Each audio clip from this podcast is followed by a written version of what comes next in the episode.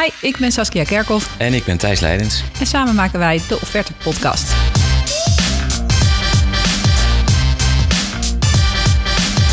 En de belofte van deze podcast is dat je meer offertes gaat winnen in minder tijd.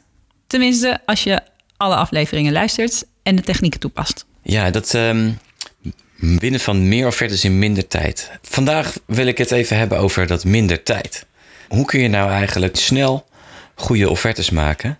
Uh, en ja, welke randvoorwaarden in je offerteproces heb je daarvoor nodig eigenlijk om een beetje snelheid te kunnen maken? Ja, oké. En dan misschien eerst even een gewetensvraag voor jou, uh, Thijs. Hoe lang doen jullie bij jouw kantoor gemiddeld over het maken van een offerte? Oeh, dat, ja, dat verschilt echt gigantisch natuurlijk. Uh, hangt er vanaf, is dan het standaard antwoord. Um, we maken over het algemeen webapplicaties, websites, allemaal maatwerk. Er, er komt wel wat bij kijken. Maar dan zijn de projecten ook wel, wel naar natuurlijk. Ik denk dat je kan zeggen dat we uh, soms een uh, halve dag en soms een paar dagen bezig zijn met een offerte. Oké. En uh, ja, je hoort wel eens van aanbestedingen dat dat nog veel langer kan duren. Dat doen we eigenlijk niet zo vaak. Dus ja, het verschilt. Maar daar gaan we het denk ik gewoon over hebben. Daar gaan we het over hebben. Ook over de vraag hoe lang mag je erover doen? Voor zover daar al regels voor zijn. Uh, we hebben vijf punten, denk ik, hè, waar we het even over willen hebben. Je had het over de randvoorwaarden in je offerteproces. Dus um, let's take it away. En dan misschien meteen maar met die eerste die jij net noemde. Hoe bepaal je überhaupt hoeveel tijd je ervoor wil of misschien wel mag nemen? Ja, hè? Um, ik weet niet of dat het ook in organisaties... Nou, dat wordt zeker in organisaties zelfs van hogerhand opgelegd. Zeker als het wat meer... Uh, uh, geproductized is allemaal. Dan is het een, een KPI, hè? Ja, natuurlijk. Uh, kijk, je wil alle klanten wil je natuurlijk net zo graag, hè? Maar ja, ja sommige wil je misschien iets meer dan andere. Bijvoorbeeld als, uh, als een project goed is voor je portfolio, dan zou ik er zeker wat extra tijd voor nemen is de kleine opdracht uh, die bijvoorbeeld uh, veel vrijheid geeft. Dan hoef je ook niet een heel, uh, heel veel dicht te timmeren in je offerte. Dat scheelt natuurlijk ook. Hè? Ja. Dus het hangt ook een beetje af van de manier waarop je met elkaar gaat samenwerken. hoe goed je in de offertefase alles wil nou ja, dicht timmeren, slash uitleggen, slash jezelf presenteren. Ja. Um, en voor nieuwe klanten geldt natuurlijk dat je meestal wat meer tijd kwijt bent. Omdat je nou ja, wat meer moet kennis maken en wat meer moet uitleggen over jezelf. Ja, precies. Dus ja, is het, een, is het nieuw business, dan ben je vaak wat meer, uh, wat langer bezig. Uh, is het ook meer fixed price? Ben je ook vaak wat langer bezig, omdat je wat, uh, wat, um, wat meer moet beter wil kunnen nadenken. Ja, je moet meer dicht timmeren eigenlijk. Ja. Um, ik, ik heb er even naar gekeken en ik denk uiteindelijk dat het gemiddeld gezien dat we iets van 10% van, uh, van uh, de ordersom bezig zijn. Eigenlijk uh, op, opsoeperen aan uren om, om het voorstel goed te krijgen. Ja. kennis te maken en even, even daarover te, te, te spreken. Zijn Ja. dat getallen die jou een beetje bekend voorkomen? Um, ja, wel. Ja, de bedrijven waar ik over de vloer kom, die vinden het 10% cost of sales, om er eens even een mooie term in te gooien, is niet uh, raar. Sterker nog, dan heb je het uh, best wel redelijk goed gedaan, denk ik. Daarbij hangt het natuurlijk ook wel een beetje vanaf. Wederom, uh, het hangt ervan af. Ja, lekker. wat, of je een product of een dienst en wat voor marges je maakt en zo. Maar als we het hebben over zakelijke dienstverlening, dan is 10% denk ik echt heel prima. En ja, terecht punt wat jij uh, maakt. Van ja, hè, hoe graag wil je de klant? Ik ken ook best wel wat organisaties die zeggen: Nou ja, voor grote klussen hebben we gewoon. Hè, dan hebben, zijn daar zelf een prospect van gemaakt. Van deze opdrachtgever willen we echt binnenhalen. Um, en daar gaan we gewoon een heleboel voor aan de kant zetten en een heel team vrijmaken. En die zijn daar een half jaar van hun leven mee bezig geweest. En nu hebben ze die klant. Ja, ja, ja, precies. Er zijn ook, uh, ik herinner me ook inderdaad een verhaal van, uh, uh, van iemand die alleen maar zo zijn klanten werft. Gewoon door eentje uit te kiezen en dan helemaal het hof te maken, maandenlang, totdat, totdat hij hem heeft. Ja. en zo had hij gewoon een klantenportfoliootje opgebouwd waar hij gewoon perfect van kon leven. Dat, dat is natuurlijk zeker een methode. en voor ons geldt ook wel hoor. We pakken Ja. denk ik ook dat het um, twee, drie keer per jaar gebeurt dat er een klant aanklopt dat je zegt van, wow, dit is echt gaaf. Weet je al, hier gaan we echt jarenlang veel lol van hebben en heel veel, uh, heel veel werk uithalen. En veel, er zit ook veel prestige aan. Ja. En dan uh, schakelen we het tandje bij. En dan, dan gaan we gewoon helemaal overboord en voorstellen maken en dergelijke. Om er zeker van te zijn dat we, dat we die binnenhalen. En dan hebben we gewoon een regel voor onszelf. We mogen, mogen een paar keer per jaar mogen even gek doen. Mag je met, even uh, gek met doen. vette trek doen. Precies. Ja. Helemaal los. Ja, Hey, dus op het eerste punt, hè, hoeveel tijd uh, neem je ervoor en hoe bepaal je dat? Denk ik, als ik het zo uh, mag samenvatten, dat wij er niet zo'n voorstander van zijn om dat dicht te timmeren in afgekaderde hoeveelheden uren of percentages. Hè? Die 10% is een vuistregel, maar het hangt er vanaf. Ja, natuurlijk. En als je gewoon, um, de, nou, dan gaat denk ik de rest van deze aflevering wat meer over. Als je je randvoorwaarden beter op orde hebt, dan zul je zien dat je denk ik ofwel minder tijd hoeft te besteden, of de tijd die je ervoor wil nemen beter kan besteden. Dus daar hangt het natuurlijk ook veel van af. Als jij heel erg veel aan het copy-pasten bent, of de weg steeds kwijt bent in, in alle teksten die je bij elkaar moet, uh, moet rapen, ja, dan gaat het minder goed. Of als je je briefing niet op orde hebt en je moet nog een keertje nabellen van wat bedoelde je ook? Ja, dat helpt natuurlijk ook niet. Nee. Oké, helder. Nou, dus uh, eh, 10% is niet uh, raar van de opdrachtsom om uh, die er aan uren in te steken. Als je het sneller kan doen, briljant. Ja, precies. Um, ja. Maar laten we dan inderdaad maar eens gaan kijken naar die andere randvoorwaarden. Ja, ik, had het, ik noemde het al even. Um, als je begint bij het begin van een offerte-traject, is die briefing natuurlijk heel belangrijk. Hè? En wat, wat versta jij onder een briefing? Even voordat mensen nu zitten te luisteren en denken: ik maak nooit briefings. Ah, nee, nou ja, goed. Um, dat kan gewoon, dat ze kunnen je notities zijn voor het intakegesprek okay. wat je hebt gehad bijvoorbeeld. Hè? Dat kan een briefing ja. zijn of een uitgewerkte versie daarvan. Soms is het uh, dat een klant al met een briefing komt. Uh, dat is natuurlijk mm -hmm. heel fijn, maar op basis daarvan ga je nog even in gesprek. En bij elkaar is het eigenlijk de input die je verzamelt om een offerte mee te maken. Oké, okay. ja, duidelijk. Ja, en de kwaliteit ervan, die maakt denk ik ook heel veel uit, hè? Ja, zeker. Nou, wat ik vaak zie is uh, dat mensen dan een paar steekwoorden op papier zetten. En zeggen, ja, ik heb het toch nog in mijn hoofd zitten. En dan leggen ze het even aan de kant. En dan een week later denk je, ja, waar hebben we het eigenlijk überhaupt over gehad? Dus ik denk wel dat, uh, nou, je hoeft niet een heel transcript uh, letterlijk uit te gaan typen of zo, maar wel wat meer in die richting. Dus gewoon echt wel uitgebreide verhalen meeschrijven of typen of weet ik het hoe je dat doet. Uh, dat verhoogt wel de kwaliteit van, van de aantekeningen en daarmee ook van je offerte. Ja, het scheelt echt ja. veel. En uh, wat je ook zegt, hè, die, uh, soms zijn je notities alleen steekwoorden. Dat is moeilijker als je het een weekje later terugleest. Als je die tijd hebt gekregen van de klant om een offerte te maken en het is druk. Uh, lekker uitwerken. Mm -hmm. Maar wat ik ook wel doe, is een soort van een um, structuurtje aanhouden. Dus ik heb in mijn notitietool een template zitten. waarin ik gewoon wat standaardvragen heb. Dat ik ook weet van, oh ja, ik moet wel, ik moet niet vergeten uit te vragen wat de doelgroep precies is. Okay. En, en dat je ook weet dat, dat je de vraag van de klant uiteindelijk ook helder heb. Hè? Uh, ja. Aflevering 1, uh, uh, denk ik. Het komt vaak terug. um, ja. de, de, de, vraag van de klant staat centraal. Die moet je natuurlijk in die briefing heel erg helder hebben. En ook lekker terug kunnen halen dat je hem weer voelt.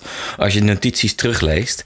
Eens. Dat maakt dat je een vliegende start kan maken met je offerte. Als je, het, als, je, als, je, het, als je dat weer terugleest. En dat ja. scheelt natuurlijk ook gewoon tijd. Dat je niet zit te twijfelen van waar ging het ook weer over. Ik moet het terughalen. Even de site doorploegen. Wat was het ook alweer? Ja, dus het scheelt tijd en het verhoogt uh, de kwaliteit. En, en daarmee samenhangend denk ik ook hè, over die, uh, die aantekeningen. Uh, dat brengt mij ook even op het punt wie maakt de offerte. En wat mij betreft zijn dat wel altijd ook de mensen die het gesprek zelf hebben gevoerd. Want wat ik ja. ook nog wel eens zie is dat dan... Um, Iemand heeft het gesprek gevoerd, zet een paar steekwoorden op papier, mikt hem over de heg bij een uh, desk account manager of een back office of weet ik hoe je het wil noemen. En die zit daar naar te kijken van ja, ja dat wordt nooit zo'n goede offerte en het kost ook nog eens een keer meer tijd. Dan kun, je, dan kun je eigenlijk alleen maar een standaard verhaal houden, toch? Want die notities zijn al natuurlijk door iemand geschreven. Er zit al een filter op. Ja. Diegene die dan de offerte maakt is er niet bij geweest. Heeft niet alle non-verbale communicatie meegekregen. En dat scheelt natuurlijk gigantisch in wat je Heel iemand gaat belangrijk.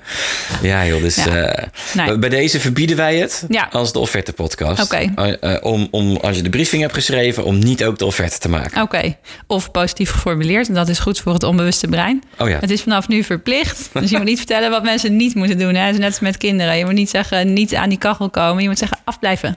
Ah. Dus Oh ja. eh, verplicht vanaf nu. Maak zelf je offerte als je het gesprek hebt gevoerd. Oké. Dan gaan we Dus. denk ik eh, een soort van... We gaan hier een jingle tussen doen, denk ik... die, die duidelijk maakt dat het echt de wet van de offerte podcast is. Heel goed. We gaan ons Ja. kleine offerte wetboekje beginnen. Oké, dus eh, maak die aantekeningen, maak ze goed. Eh, breng er structuren aan. Tenminste, voor mij werkt het echt onwijs goed. Ja. Ehm, eh, ik gebruik Notion als notitietool. Dat is een soort van notepad on steroids. Ik hou wel van leuke tooltjes. En ja, begin, begin ik weer over tooltjes. Daar kun je van die Ja, hoor. templates in aanmaken. Dat is echt onwijs handig. Dus gewoon doen. Oké, cool. Oké, randvoorwaarde nummer twee was dat. Dus dat gaat over de kwaliteit van je aantekeningen en ook wie de offerte maakt.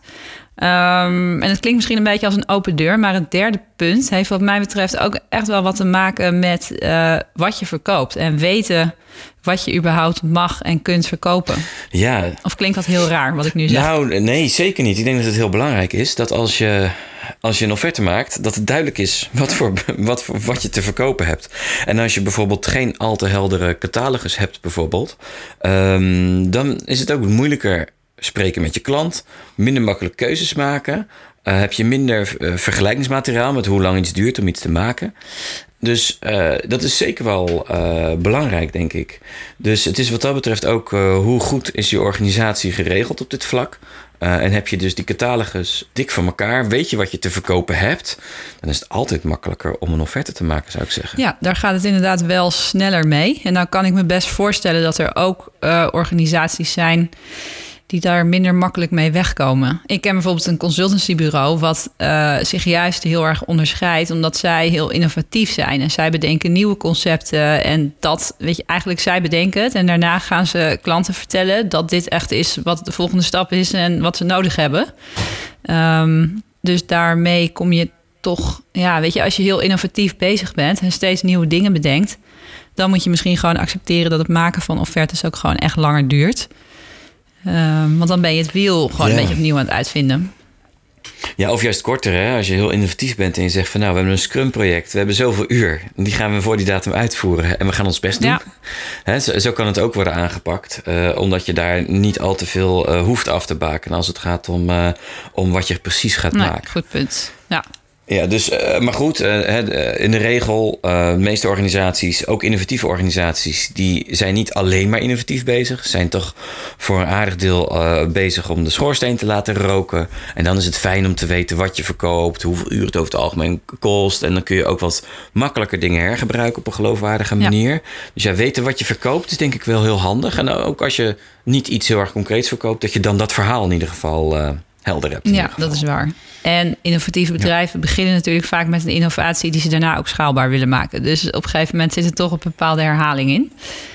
Ja, het is moeilijk geld verdienen anders. Hè? Dat is heel lastig. Ja, precies. Maar goed, uh, breng mij ook nog even op het punt... wat nou als je een vraag krijgt... Uh, die heel erg buiten de scope van jullie dienstverlening ligt. Hè? Dus als iemand iets vraagt waarvan je denkt... oh, dit is echt heel leuk en uh, heel interessant... Ja. Maar het is niet wat wij normaal gesproken doen. Nou, om, uh, om Jason Fried te, te citeren zou ik zeggen: just say no. Just say no. Uh, ah. gewoon nee zeggen. Ah. Ja, dat is natuurlijk. Uh, is een, daar zouden we een heel ander boompje over kunnen opzetten in een andere aflevering. Ik geloof heel erg in focus. Dat als je bepaalt wat je doet, dat je daaraan houdt. Dat maakt je leven zo ongelooflijk veel, veel eenvoudiger. En dat zeg ik als ervaringsexpert in het altijd ja blijven zeggen tegen van alles en nog wat. Dus ja. door schade en schande geleerd. Oké, okay, ja. Nou ja, dat. Ja uh, doet me denken aan een, uh, een klant waar ik laatst zat. Um, daar hebben we een uh, lead qualification matrix voor ontworpen. Jawel. Wow. dus gewoon om wat criteria te hebben van op basis waarvan zij bepalen... gaan we überhaupt reageren op deze, op deze RFP of deze offerteaanvraag. En uh, zij gaven aan van ja, weet je, hartstikke leuk die matrix, maar wij weten eigenlijk toch al dat de, we gaan hem toch wel zorgen dat hij past. Dus ook al zijn alle seinen op rood nadat we die matrix hebben ingevuld, we vinden altijd wel weer een manier waarom of een reden waarom deze offerte of deze opdracht voor ons toch wel heel leuk is.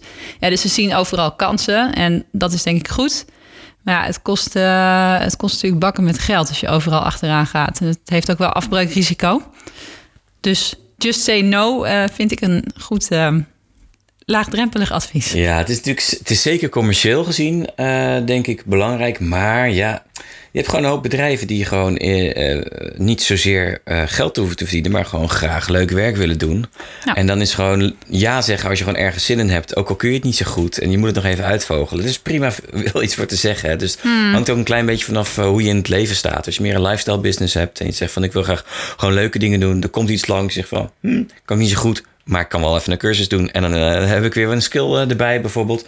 Dat is natuurlijk prima. Maar ik denk als je, um, als je wat meer gaat voor rust in je organisatie in commerciële zin, dan is focus zo gigantisch belangrijk. Misschien wel het belangrijkste wat je ooit, de belangrijkste keuze die je ooit zal maken in je bedrijf. Dus wat gaan we nou wel, wat gaan we nou niet doen?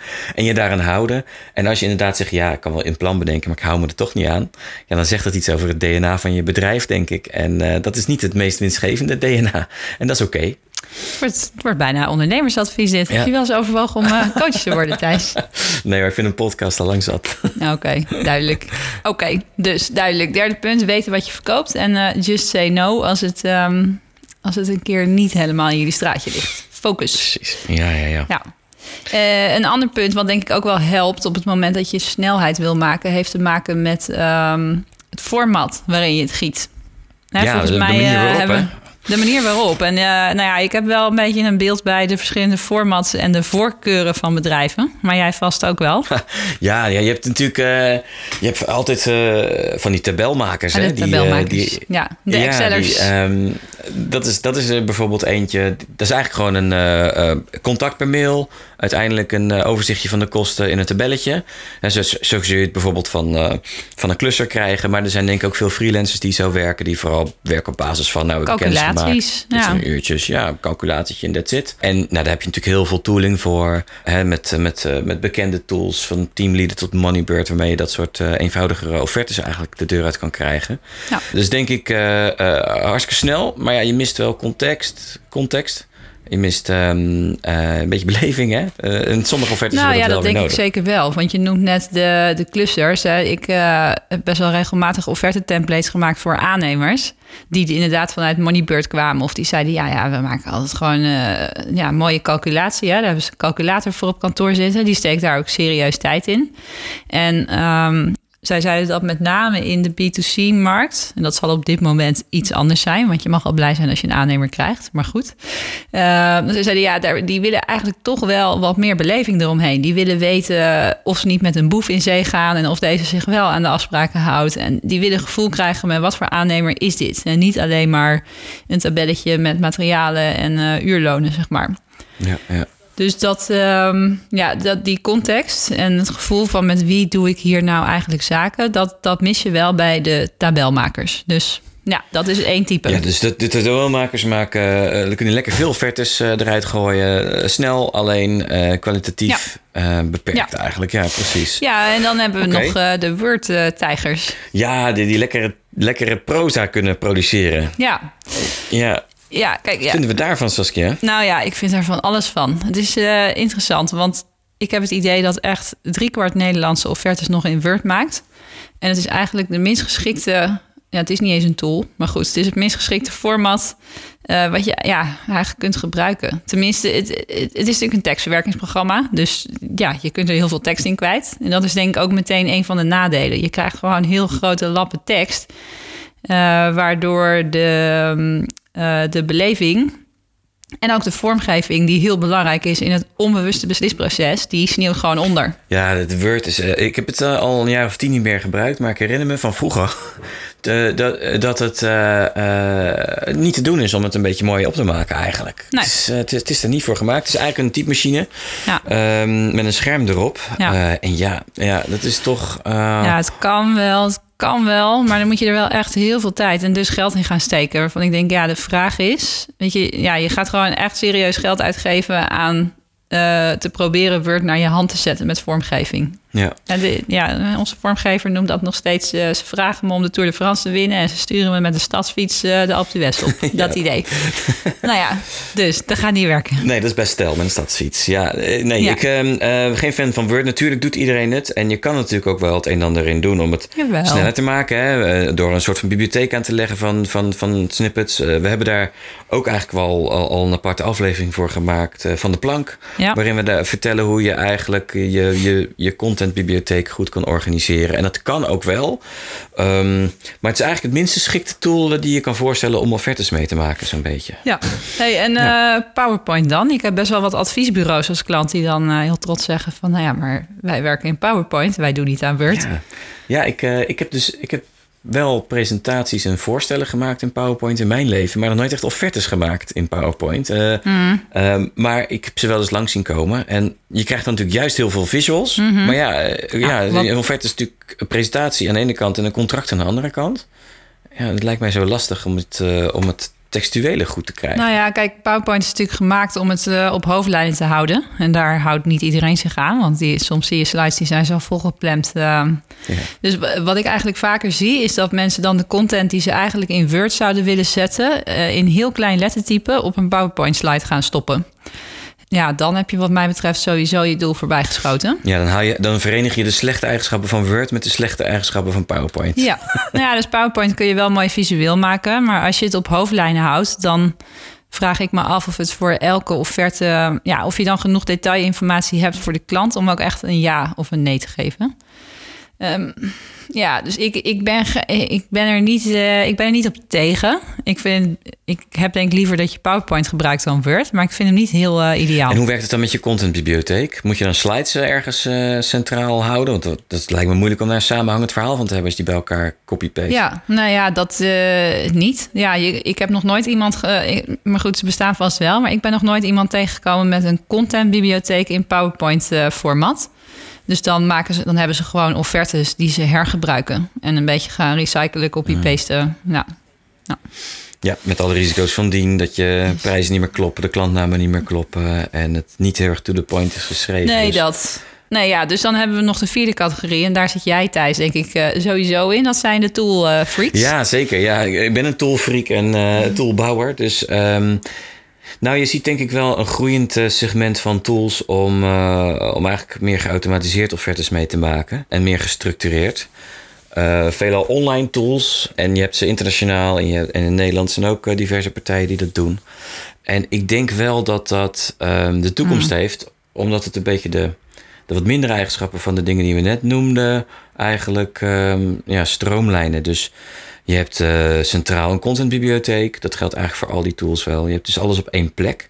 Je kan werken met schablonen. En je kan ook wat meer interactieve presentaties maken. Je bent dan niet beperkt tot Word, waar je natuurlijk eigenlijk alleen maar lage resolutie plaatjes in kan plaatsen. Precies. Terwijl je in je online offerte uh, video's en zo, slideshows kan opnemen. Ja, dat. En je kan veel meer met de vormgeving. En klanten kunnen online ondertekenen. Je kunt zien wanneer een klant de offerte heeft geopend. Zit je, dat maakt de opvolging ook echt wel weer makkelijker. Ja.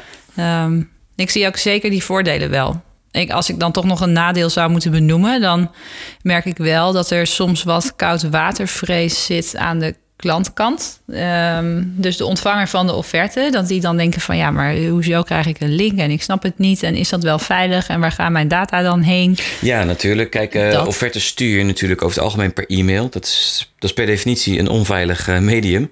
Um, dus ook het online delen van, uh, van, van offertes lijkt mij uh, vooral veiliger dan dat je dat per mail doet hoor. Maar uh, ik denk wel dat de hele gereden ja. angst is van oeh, het is weer een tool erbij. Dus het lijkt me dan vooral zaak om goed te kijken naar ja. als je zo'n tool gaat overwegen.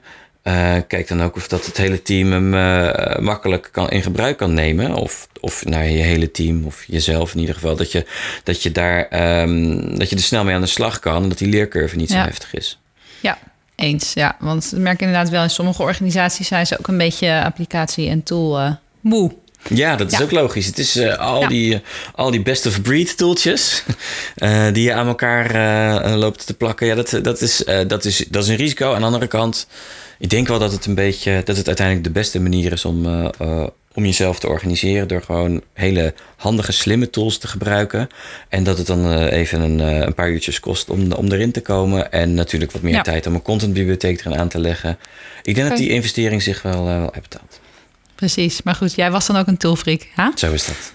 Zo is het. Ja. Sorry. Nou ja, laatste punt misschien nog. Uh, als je kijkt naar de vraag hoe kunnen we het proces sneller maken, dan zou ik zeggen: um, zorg ook dat je scherp hebt hoe je je prijsstrategie um, ja, hoe die is. En dat je daar niet elke keer het wiel voor opnieuw hoeft uit te vinden, toch? Nou ja, zeker. Want het is natuurlijk als jij. Um, je, hebt, je je briefing perfect en je bent je offerte aan het maken. En op een gegeven moment denk je, ja, welke prijs zou ik er eens onder hangen? Want we hebben hier zoveel verschillende ervaringen mee. Ik ga eens heel even overleggen met een uh, developer of een engineer hoe lang die ermee uh, over gaat doen. En dat is natuurlijk prima. Dat is een hele goede manier om je offerte in te steken. Maar ja, kost wel tijd. Dus ja, ik denk ook wel dat het heel erg afhangt of dat je te maken hebt met een resultaatverplichting die je aangaat of een inspanningsverplichting. Hè? Ja, ja uh, dat. Maar ook gewoon je eigen visie op wil ik, uh, wil ik offreren op waarde of op um, uh, inspanning. Ja, dus de, als je bijvoorbeeld kijkt naar wat wij doen of wat mijn bedrijf doet, dan wij maken offerte templates. En misschien ben ik een keer voor een kleine template, nou ja, laten we eens iets gek zeggen, 16 uur bezig of zo. Ehm, maar als ik weet dat dat offerte template voor hen uh, de conversie met 5% gaat verhogen en ze gewoon op jaarbasis een ton meer omzet hebben, dan vind ik dat template dus meer waard. En daar offereer ik dan op. Ja. Ja, ja. ja, dat werkt goed als je precies weet wat je doet. Hè? En, en tenminste, als je redelijk niche gericht bent, dan heb je ook een goed beeld op hoeveel meerwaarde je precies realiseert. Het moet dan wel, denk ik, een beetje tastbaar gemaakt kunnen precies, worden. Precies, ja. Ja, en uh, ik zie ook best vaak organisaties die zeggen: Nou ja, dit is gewoon wat wij het waard vinden. En we vragen het. En we kijken gewoon uh, of we ermee wegkomen. En op het moment dat ze echt gaan piepen, dan, uh, dan weten we genoeg. Kijk, offereren op basis van inspanning, hè, dus uren. Ik, het, ik snap het wel. En het is denk ik in heel veel businesses ook gebruikelijk. Hè? Dus gewoon zeggen van nou, zoveel uren en dat allemaal verantwoorden. Maar het nodigt ook wel uit tot veel discussie. Ja, kan dit dan niet in een uurtje sneller? Of kan dit niet een workshopje minder? En dat is denk ik gewoon niet het gesprek wat je wil hebben. Het moet gewoon gaan over, oké, wat gaan we opleveren? En wat is dat jou, lieve klant, uh, waard? Ja, zeker. Maar ik zit zelf ook wel in de urenhoek, hoor, wat dat betreft. Uh, met, uh, met het maken van schattingen. En ik denk dat heel veel organisaties daar nog in zitten. En als je daarin zit, dan kan ik in ieder geval wel ja. aanraden... om in ieder geval ja, je uren heel scherp bij te houden... Uh, en, en, te, en, na een project even te evalueren en te kijken hoeveel iets kost. En ergens een lijstje aan te leggen. Ja. Waar, waarin je zegt van hé, hey, ik heb nu dit gemaakt. Dit is wat het kostte. En dit is wat het toen kostte. En dit is wat het voor deze klant kostte. Zodat je ook een beetje een bandbreedte krijgt. Ja. Zodat je eigenlijk een soort van kleine encyclopedie aanlegt van, van dingen die je hebt gedaan. En hoeveel tijd het zo ongeveer zou moeten kosten. Ja. Um, maar ja, dat is, daar gaat natuurlijk best wel veel energie in zitten. Maar goed, het opvolgen van je uren, ja, dat, dat moet je denk ik sowieso doen. En is vooral een kwestie van heel scherp houden van uh, dat je ook terugkijkt naar die uren. Ja, en, het, idee, het idee is ook dat het daarna juist dus sneller gaat, toch? Deze hele podcast gaat over hoe kunnen we sneller offertes maken. Dus als je op een gegeven moment um, die randvoorwaarden goed op orde hebt en weet uh, wat je waard bent en wat realistisch is, dan hoef je niet elke keer het wiel opnieuw uit te gaan vinden. Zeker, zeker. Dus dat geldt natuurlijk voor je contentbibliotheek, dat is hergebruiken, maar eigenlijk ook van hoe lang je over iets hebt gedaan. Ja. Uh, je leert als organisatie op die manier en uh, zo word je ook volwassener en, en kun je dus ook je prijs makkelijker bepalen. Het is ook, ja. het is overigens niet zo dat je zegt van, oh, ik had toen tien uur voor deze klus, nu doe ik weer tien uur. Uiteindelijk wil je weten hoeveel tijd het het inneemt. Mhm. En uh, dat je daarna kijkt naar de klant. En dat je dan een multiplier bepaalt op basis van wie is de klant. Ja. Bijvoorbeeld zet je die multiplier op je uurtarief of op het aantal uren. Uh, zodat je wel weet van hé, hey, dit is een risicovolle klant. Ja. Want die weet nog niet echt wat hij wil. Het wordt een hoop discussie. Dus... Ja, precies dat. Oké, dus laten we even kijken hoor, waar we het nou over hebben gehad. Vijf, uh, vijf randvoorwaarden die je kunt gebruiken om uh, sneller offertes te maken. van tevoren bepalen hoeveel tijd je ervoor wil en, en mag nemen hem zelf maken. Gouden regel voor in onze podcast uh, Bijbel. Zeker. Uh, als jij het gesprek hebt gehad, maak jij de offerte en maak fatsoenlijke aantekeningen. Uh, weten wat je verkoopt en focus. Dus ook nee leren zeggen. Just say no. Ehm, ja, wel goed nadenken over het format waarin je het giet. En um, wij zitten dus, zoals je waarschijnlijk hebt gemerkt, in de school van offerte tools. Ja. Yeah. Um, even een keertje kritisch kijken naar je keuze voor uh, dat Word-format, wat heel Nederland nog steeds gebruikt. En van tevoren goed scherp hebben um, hoe je prijsstrategie in elkaar zit. Dat zijn vijf randvoorwaarden waarvan wij dus zeggen, nou ja, daarmee uh, maak je het offerteproces en ook het maken van die offerte makkelijker en sneller. En dan maak je dus je offerte snel en goed. En toch? goed, precies. Snel en goed. Want daar gaat het uiteindelijk om. Anders ga je niet meer offertes winnen. Heb je hem wel in minder tijd gemaakt, maar uh, die winkans moet ook hoog blijven.